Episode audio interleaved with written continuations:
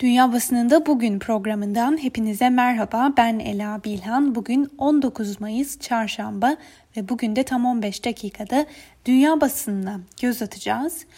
Bültenimize dün Türkiye basınının gündemine gelen ve dünya basınının da kayıtsız kalamadığı bir haberin detaylarına göz atarak başlayalım. Sedat Peker'in dün akşam yayınladığı video ile tekrar Türkiye gündemine oturmasıyla dünya basını da meseleyi ele aldı. New York Times gazetesi Sedat Peker'in hükümete yönelik açıklamalarını değerlendirdiği dikkat çeken bir yazı kaleme aldı. Kısaca bu haberin, bu değerlendirmenin satır başlarını aktararak başlayalım. Sedat Peker'in suçlamaları hükümeti sarsıyor.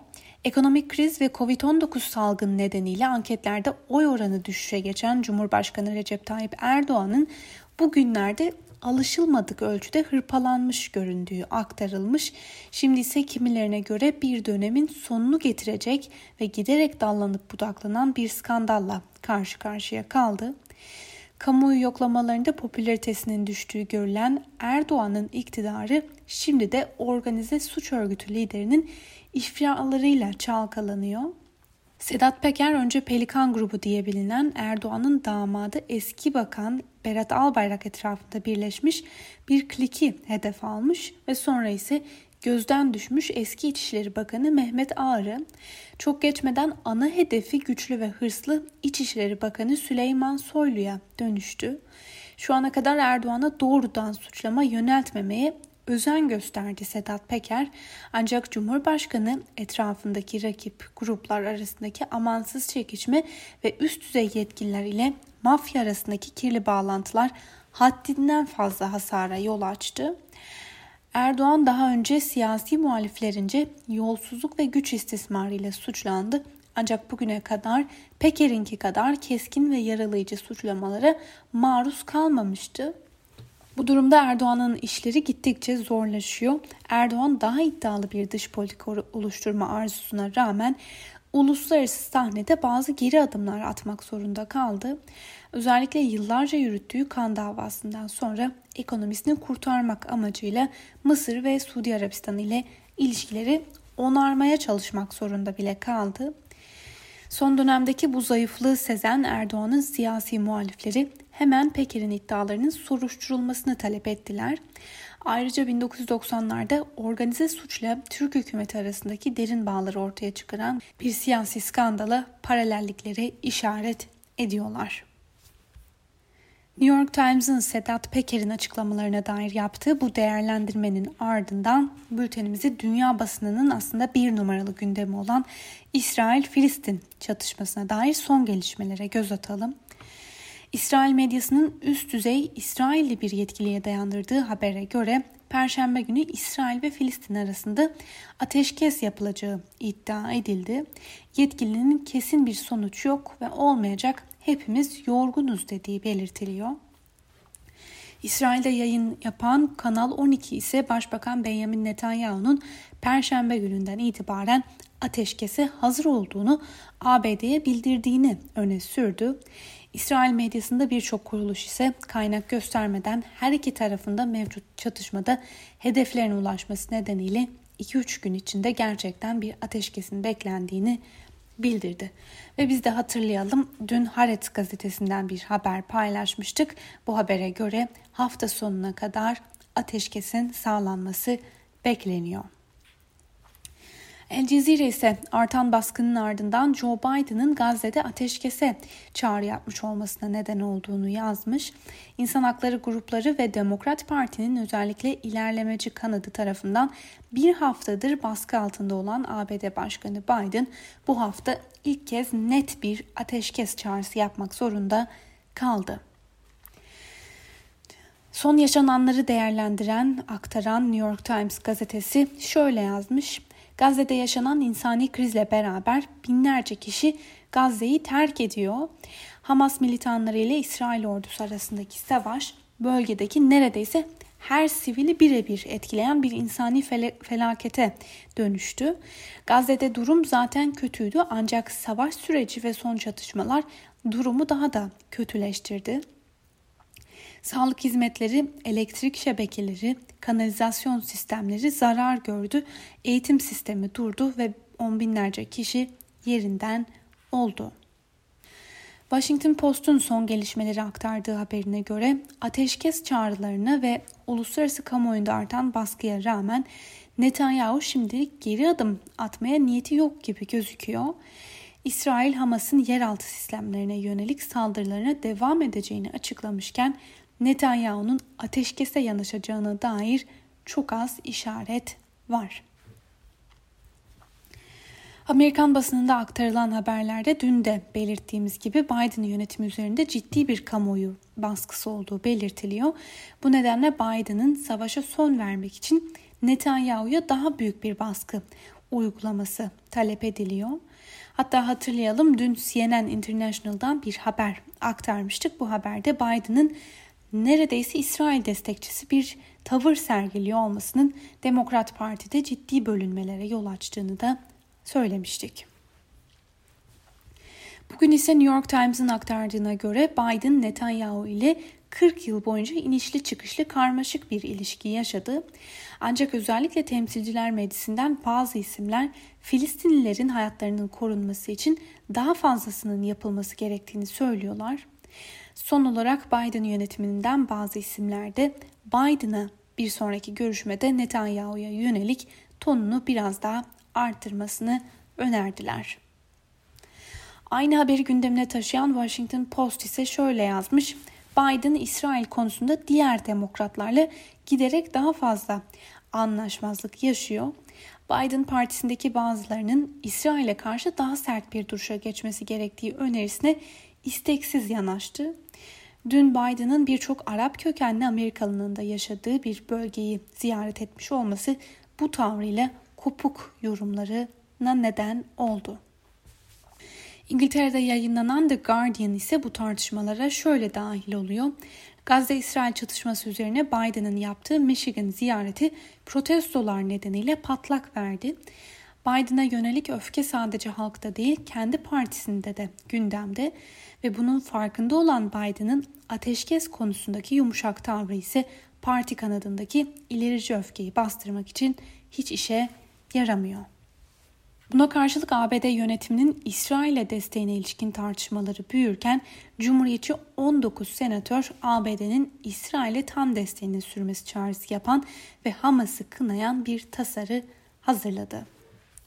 CNN dikkat çeken bir değerlendirme yaptı. Bu kez İsrail kökenli Amerikalılar ve Yahudi olan Amerikalılar İsrail'in arkasında hizaya girmediler. Özellikle daha önceki yıllarda bu tür gerginliklerin doruk noktasına ulaşmasıyla belirli kesimler İsrail devletinin arkasında toplanırlardı. Benzeri görülmemiş para bağışlar ve kitlesel gösteriler düzenlenirdi. Buna göre Hamas'la sürdürülen mevcut savaş sırasında Yahudi kökenli İsraillerin İsrail'e verdiği tepki çarpıcı bir sapmayı temsil ediyor. Fransız Le Monde aktardığı haberde şöyle yazmış. Gazze ateş Biden baskı altında Avrupa Birliği ise yaşananlara karşı sessiz kalmayı tercih ediyor. Çatışmaların başladığı günden bu yana ateşkes yönünde tutumu beklenen ve Demokrat Parti içinde de tepkilerle karşılaşan Joe Biden, İsrail-Hamas arasında bu hafta ilk kez ateşkese destek veren bir açıklama yaptı. Deutsche aktardığı habere göre İsrail ve Hamas arasında tırmanışa geçen gerilime son verilmesi amacıyla Avrupa Birliği tarafından hazırlanacak ortak deklarasyon Macaristan tarafından engellendi. Çatışmalar ise uluslararası ateşkes çağrılarına rağmen sürüyor. Eurotopics'in haberine de göz atalım. İsrail-Filistin krizi son günlerde ciddi anda, anlamda alevlendi. Ancak eylemler ve tepkiler bilinen bir oyunun tekrarı gibi. Avrupa basını ise çıkmaza giren durumu analiz ediyor. Örneğin İtalyan basınından Avenira şöyle diyor. Netanyahu'nun güttüğü siyaset İsrail'deki farklı görüşleri temsil etmiyor. Sürekli şu tekrarlanıyor. İsrail'in kendini savunma hakkı vardır. Gazze'deki sivil halkın bombalanmasının savunma olmadığını anlamak için daha liberal İsrail gazetelerini okumak ya da ülkedeki sayısız aydına kulak vermek yeterli. Başbakan Netanyahu Arapları düşmanlaştırıp şeytanlaştıran ve Filistin'in stratejik önemi olan topraklarını yavaş yavaş sömürgeleştiren siyasi çizgisinden vazgeçmezse çoğu İsrailli bu konuda onun peşinden gitmeyi reddedecek. Romanya basınından Adevaru'ya göre Netanyahu'nun oyalama taktiği şimdiden geri tepmeye başladı. Netanyahu bugüne kadar Filistin sorununu çözmek için müzakere değil, idare etme stratejisi uyguladı. Netanyahu kesin ve hızlı bir çözümden yana değil ama şu andaki çatışma aslında kendi hesaplarına da aykırı. Netanyahu bu şekilde asla gücünü arttıramaz çünkü taraflar arasında müzakere edilerek sağlanacak bir çözüm günün birinde şart olacak. İsrail-Filistin çatışmasının dünya basınındaki yankılarına, yansımalarına göz attık. Şimdi ise Amerikan basınının bir numaralı gündemlerinden birini sizlerle paylaşalım. New York Başsavcılığı eski ABD Başkanı Donald Trump'ın aile şirketleri Trump Organization hakkındaki incelemenin cezai soruşturmaya döndüğünü açıkladı. Buna göre başsavcılık sözcüsü Fabian Levy, Trump Organization isimli şirket hakkındaki soruşturmamızın artık tamamen hukuk soruşturması olmadığı konusunda bilgilendirildik. Şu andan itibaren Trump Organization'ı cezai boyutta inceliyoruz açıklamasını yaptı. Washington Post'un bir diğer haberinde ise Biden yönetiminin diğer ülkelere bağışlayacağı 20 milyon dozluk aşının neden yetersiz olduğu değerlendirilmiş. ABD'nin diğer ülkelere bağışlayacağı 20 milyon doz aslında kendi başına iyi bir haber ancak dünyadaki aşı adaletsizliği ve diğer ülkelerde yaşanan durum göz önünde bulundurulduğunda bu oran çok çok yetersiz. Aşı adaletsizliğini 20 milyon dozu aşı ile çözemezsiniz. Aktardığımız bu haberin ardından hem Amerikan hem de İngiliz basınında geniş yer bulan bir diğer haberle devam edelim. Yatırımcı Elon Musk kripto para birimi olan Bitcoin kurunda büyük bir dalgalanmalara neden oldu yaptığı açıklamayla. Geçtiğimiz hafta Bitcoin'i olumsuz çevresel etkisi nedeniyle ödemelerde kullanılmayacağını açıklamasıyla satış spekülasyonları başladı ve kur tepe taklak oldu. İngiltere'de yayınlanan Independent gazetesinin köşe yazarı Tim Moloney, Bitcoin ve benzerlerinin neden geleceğin parası olamayacağını açıklıyor. Bitcoin aslında hiçbir yerde kabul edilmiyor. Bana dolar yerine kullanıldığı için daha verimli işleyen tek bir ticari işlem söyleyin.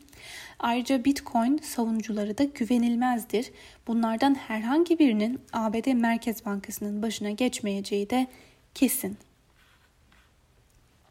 The Guardian'ın dikkat çeken bir haberiyle devam edelim. Pazartesi günü de aktardığımız gibi İngiltere kontrol altına alınan vaka sayıları ve yüksek aşılama oranları sayesinde 17 Mayıs pazartesi günü itibariyle 3. kademeye geçmiş ve Covid önlemlerinin büyük bir kısmının kaldırıldığını duyurmuştu.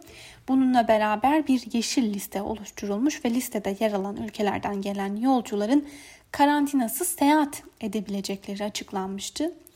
Fakat The Guardian önemli bir noktaya dikkat çekiyor. İngiltere'nin sınırları Covid-19'a karşı sonuna kadar açık ancak buraya gelmeye muhtaç insanlar için kapalı. Hükümetin Hint varyantına karşı gevşek tavrı dikkat çekici. Turistlere kapılarını neredeyse sonuna kadar açan İngiliz hükümetinin politikasının salgın açısından tehdit oluşturmayan göçmenlere karşı ne kadar agresif olduğu da ortaya kondu. Deutsche Welle'nin bir haberiyle devam edelim. Avrupa Parlamentosu tarihinin en eleştirel Türkiye raporunu onaylamaya hazırlanıyor. Raporda ırkçı ve aşırı sağcı olarak tanımlanan ülkücü hareket için terörist iması da yer alıyor.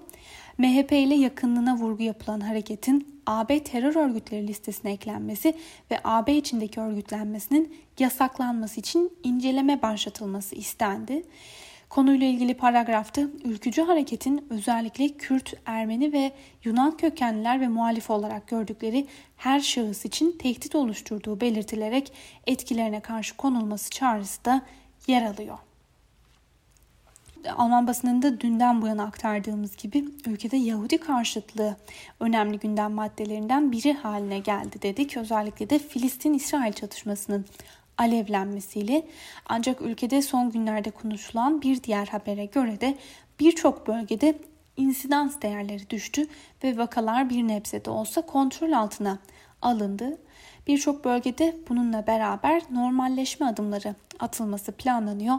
Bu kapsamda Berlin dahil olmak üzere birçok şehirde bu hafta itibariyle restoran ve kafelerin açık bölümlerinin yeniden hizmet vermesi bekleniyor.